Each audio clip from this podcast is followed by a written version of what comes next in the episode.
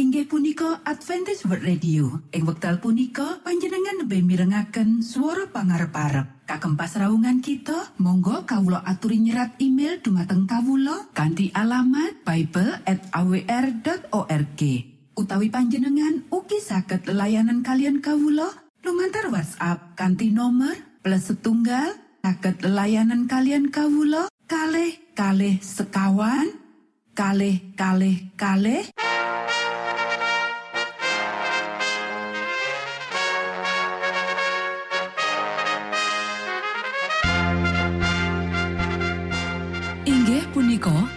Adventist World Radio ingkang giaran kanti basa Jawi. Tentrem Rahayu Kulo aturaken kagem poro Mitra kinasih ing pundi papan lan panggonan. Sugeng pepanggian malih kalian Adventist World Radio. Kanti bingahing manah Kulo badi sesarengan kalian poro Mitra lumantar saperangan adicara ingkang sampun rinonci mligi kagem panjenengan sami. Mugi giaran punika saged migunani tuwin dados berkah kagem kita sedaya. Sugeng midhangetaken Gusti amberkahi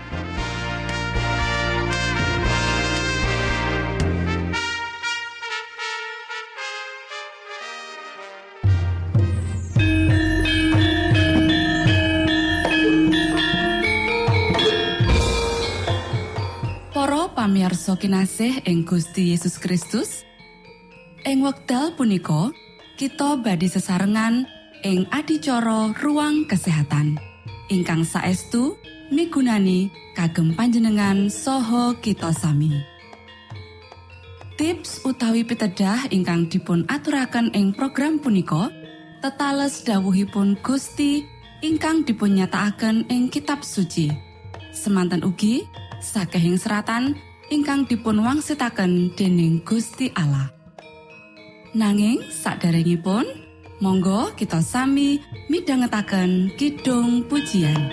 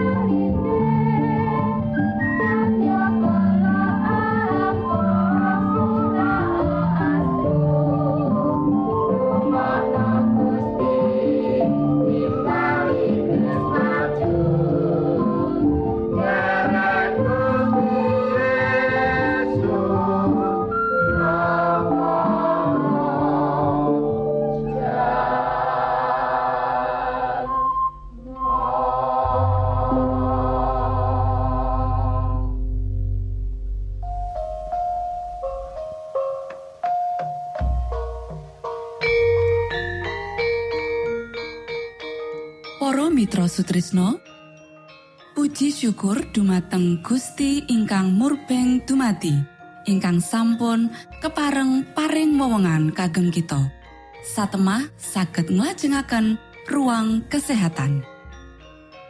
Pirembakan kita semangke kanthi irah-irahan. Pramayuga kanggo pendito lan juru karya sing kagian lungguh perangan kapindho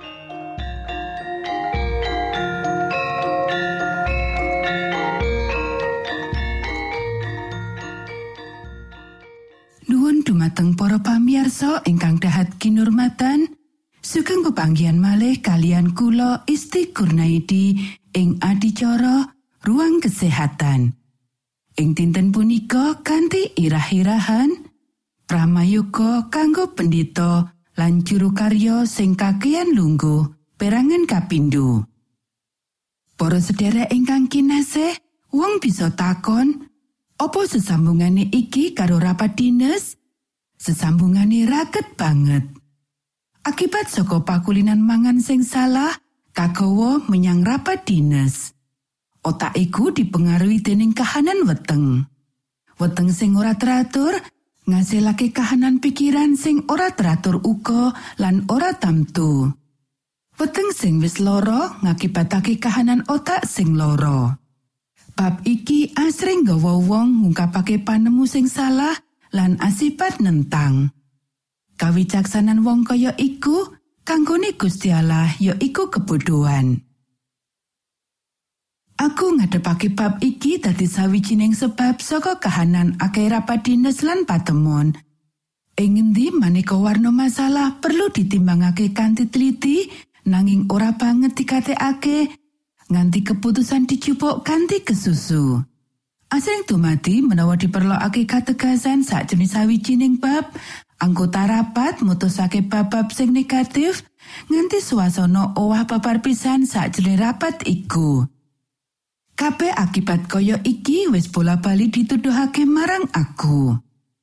Aku ngadepake masalah iki saiki amarga aku entuk dawuh kanggo ngandhakake marang sedulur-sedulurku ing bagian pamomongan.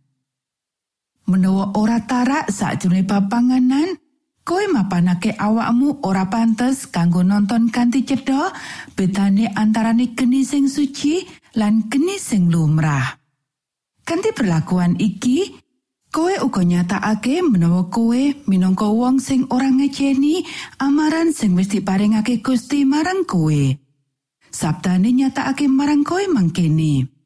Sapa panunggalanira kang wedi asih marang Pangeran Yehua lan ngrungokake swaraning abdine menawa dumunung ing pepeteng lan ora kasorotan ing cahya cik ben percaya marang asmane sang Yehua tuen sumende marang Gusti Allah. Opo kita ora nyedaki Gusti supaya panjenengane milu jengake kita saka kabeh masalah tarak sakjane bab mangan lan ngombe lan kabeh nepsu daging sing ora suci lan saka kabeh piolo Opo kita ora ngasorake diri ing ngersane Gusti Allah? Sinambi nyisihake kabeh sing rusak badan lan roh supaya sakjane wedi asih marang Gusti Allah kita bisa nyampurnakake kasucian tabiat. Para sedherek ingkang kinasih, para pandhita kita ora cukup ngatekake pakulinan sakjane bab panganan. Piyambake kakean mangan lan kakean werna panganan saben mangan. Saperangan ya iku reformator nanging mung sakjroning jeneng. Piyambake ora duweni pepakon kanggo ngatur panganan nanging manjakake selera lan mangan woh-wohan lan kacang-kacangan ing antarane jam mangan. Kanti mangkono, piyambake mapanake pemotan sing kakean sanduwure alat pencernaan. Saperangan mangan ping telu setino, sedeng ping pindho mangan setino luwih nyokong kesehatan fisik lan rohani. Menawa angger-angger sing wis ditetahake Gusti Allah kanggo nguasani badan iku dirusak, mula hukumane mesti bakal ditindakake. Matur nuwun, Gusti amberkahi.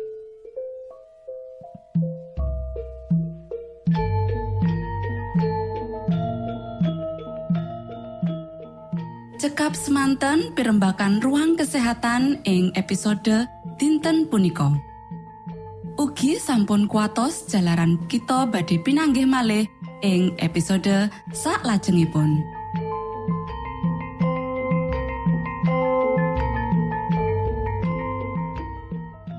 inggih punika adicara ruang kesehatan. Menawi panjenengan gadah pitakenan utawi ngersaakan katerangan ingkang langkung Monggo Kulo aturi.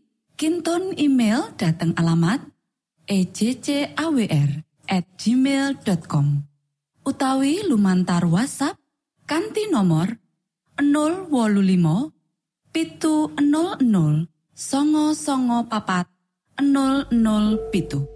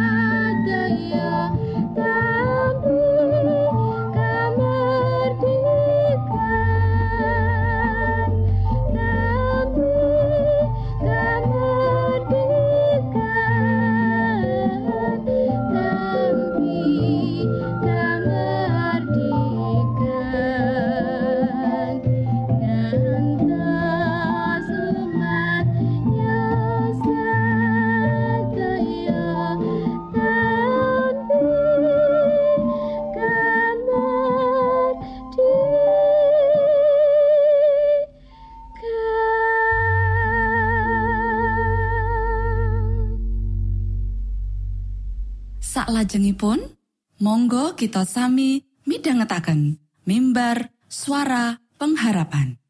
Angkat nafiri kanti pawarto Sang Kristus paderamu Pro umat samyo puji asmanyo Sang Kristus paderamu Inggih punika mimbar suara pengharapan ing episode punika kanthi irah-irahan. Tino-tino olo sugeng tondo Sang Kristus paderamu ilmu kawero tambah tambah. Sang Kristus paderamu paderamu paderamu Sang Kristus paderamu Shalom para sedherek ingkang kinasih wonten ing Gusti. Sakmenika kita badhe mitangetaken renungan Sabtu pangandikanipun Gusti. Ing dinten punika kanthi irah-irahan Tino-tino olo Para sedherek ingkang kinasih, ayo diwaca kitab Sabur pasal pitung papat ayat wolulas nganti rorikur. Patuko mugi karso ngengeti punika. Mengsah memoto duh Yahua, bangsa ingkang keblinger punika ngawon-awon asmo patuko. Nyawanipun Beksitoro Patuko sampun ngantos Patuko pakaaken dateng sato galak. Patuko mugi sampun ngantos kelajeng-lajeng kesupen dateng nyawanipun para tiang kagungan Patuko ingkang katindes. Patuko mugi enget dateng prajanjian Patuko, amargi papan-papan ingkang peteng ing bumi punika kebak susah panganiaya. Tiang ingkang sinio-sio sampun ngantos wangsul kanthi wirang. Tiang ingkang kasangsaran sarta tiang ingkang mlarat supados sami ngalembono dateng asmo Patuko. Doalah Patuko mugi karsawa jumeneng sarta nindakaken pangadilan Patuko. Mugi karsawa enget dumateng panacatipun para tiang ingkang kaplinger dumateng Patuko satinten muput punika. Para sedherek ingkang kinasih, Sang juru Mazmur mbudidaya kanggo mangerteni pasulayan gedhe antarane Gusti Allah karo panguwasa piolo. Lan para juru Mazmur nuduhake marang kasabarane Gusti kang tanpa winirasa sarta kawicaksanan lan kasektene Gusti kang tanpa winates. Masalah piolo ing kitab sabur utamane ya iku masalah teologis. Iki ana kekayutan karo pitakonan bab Gusti Allah. Uga bab karusaan Yerusalem lan pateleman suci, katon utamane minangka skandal ilahi amarga menehi wewengan kanggo wong-wong kafir kanggo nyawiya Gusti. Warisan Allah umat Israel iku pratandha saka pamilihan lan prasetyane Gusti. Pangandaring Toret pasal papat ayat telung loro nganti telung wolu, pasal telung loro ayat wolu lan songo kang ora bakal wurung. Konsep warisane Gusti Allah uga kebak karo dimensi pungkasan jaman. Awit sawijining dina sakabeh bangsa bakal dadi warisane Gusti lan bakal nglatosi Gusti Allah. Panggagas yen para bangsa nempuh warisane Gusti ngancam janji ilahi iki. Para sederek ora ana pitakonan. Sang juru Mazmur ngakoni yen dosa para umat ngrusak sesambungan prajanjian karo Gusti Allah lan gawa konsekuensi marang umat. Sabur pasal pitung songo ayat wolu lan songo. Keselamatane manungsa mung gumantung ing campur tangan sih rahmati Gusti Allah lan pulih talenan prajanjian lumantar panebusan dosa. Gusti Allah ingkang mengku karahayon kawula sing nutuhake kasetyane Gusti Allah marang prasetyane. Sabur pasal pitung songo ayat songo. Ananging, kang luwih wigati ngungkuli pulie kasugiyane bangsa Israel ya iku karaktere Gusti Allah ing donya. Sabur pasal pitung songo ayat songo. Menawa tumindak piolo para bangsa ora kaukum, bakal cedha menawa Gusti Allah wis kelangan panguasane. Sabur pasal pitung papat ayat wolulas nganti telu likur, pasal wolung telu ayat pitulas nganti songolas lan pasal 106 ayat petang puluh pitu. Mung nalika Gusti Allah nyelametake umate asmani bakal kabenerake lan kaluhurake. Para sederek kaya dene ing mangsa saiki prinsip kang padha ana uga ing kalobien dosa-dosa kita kamurtatan kita piolo kita ora mung gawa alane awake dhewe Nanging luwih ala maneh marang Gusti Allah kang asmane kita akoni. Tumindak kita kang luput uga bisa menehi pengaruh karohanen kang rukekake menggawe paseksi lan misi kita. Piro wong kang wis kepaten pangandele awit saka tumindake wong-wong kang isih ngakoni Sang Kristus Yesus? Monggo kita sami ndedonga. Duh Rama kawula ingkang wonten ing swarga, Asmo patuko mugi kasucikaken. Kraton patuko mugi rawuh. Karso patuko mugi kalampahan wonten ing bumi kados dene wonten ing swarga. Kawula mugi kaparingan rejeki kawula sak cekapipun ing dinten punika. So patuko mugi ngapunten kalepatan kawula Kados dene kawula inggih ngapunteni tetiang ingkang kalepatan dhateng kawula. Punapa dene kawula mugi sampun ngantos katantukaken dhateng ing panggoda nanging mugi sami paduka uwalaken saking piawon. Awit dene paduka ingkang kagungan kraton saha wisesa tuen kamulyan salami laminipun. Amin.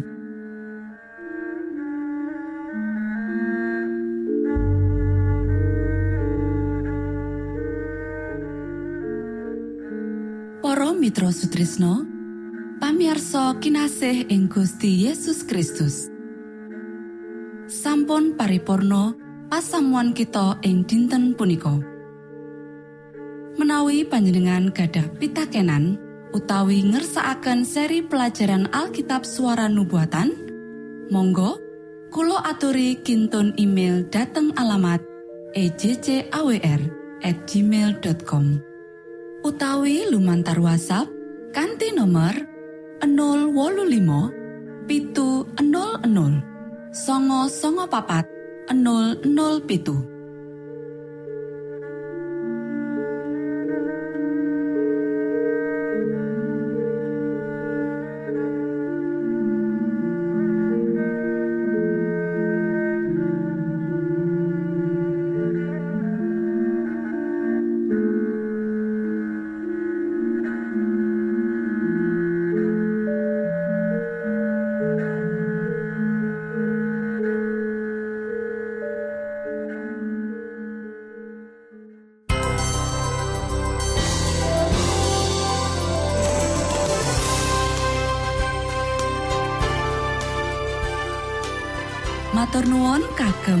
wektalipun kita badhe pinanggih malih ing gelombang ugi wekdal ingkang sami. Saking studio kula ngaturaken tentrem rahayu. Gusti amberkahi kita sedaya. Maranata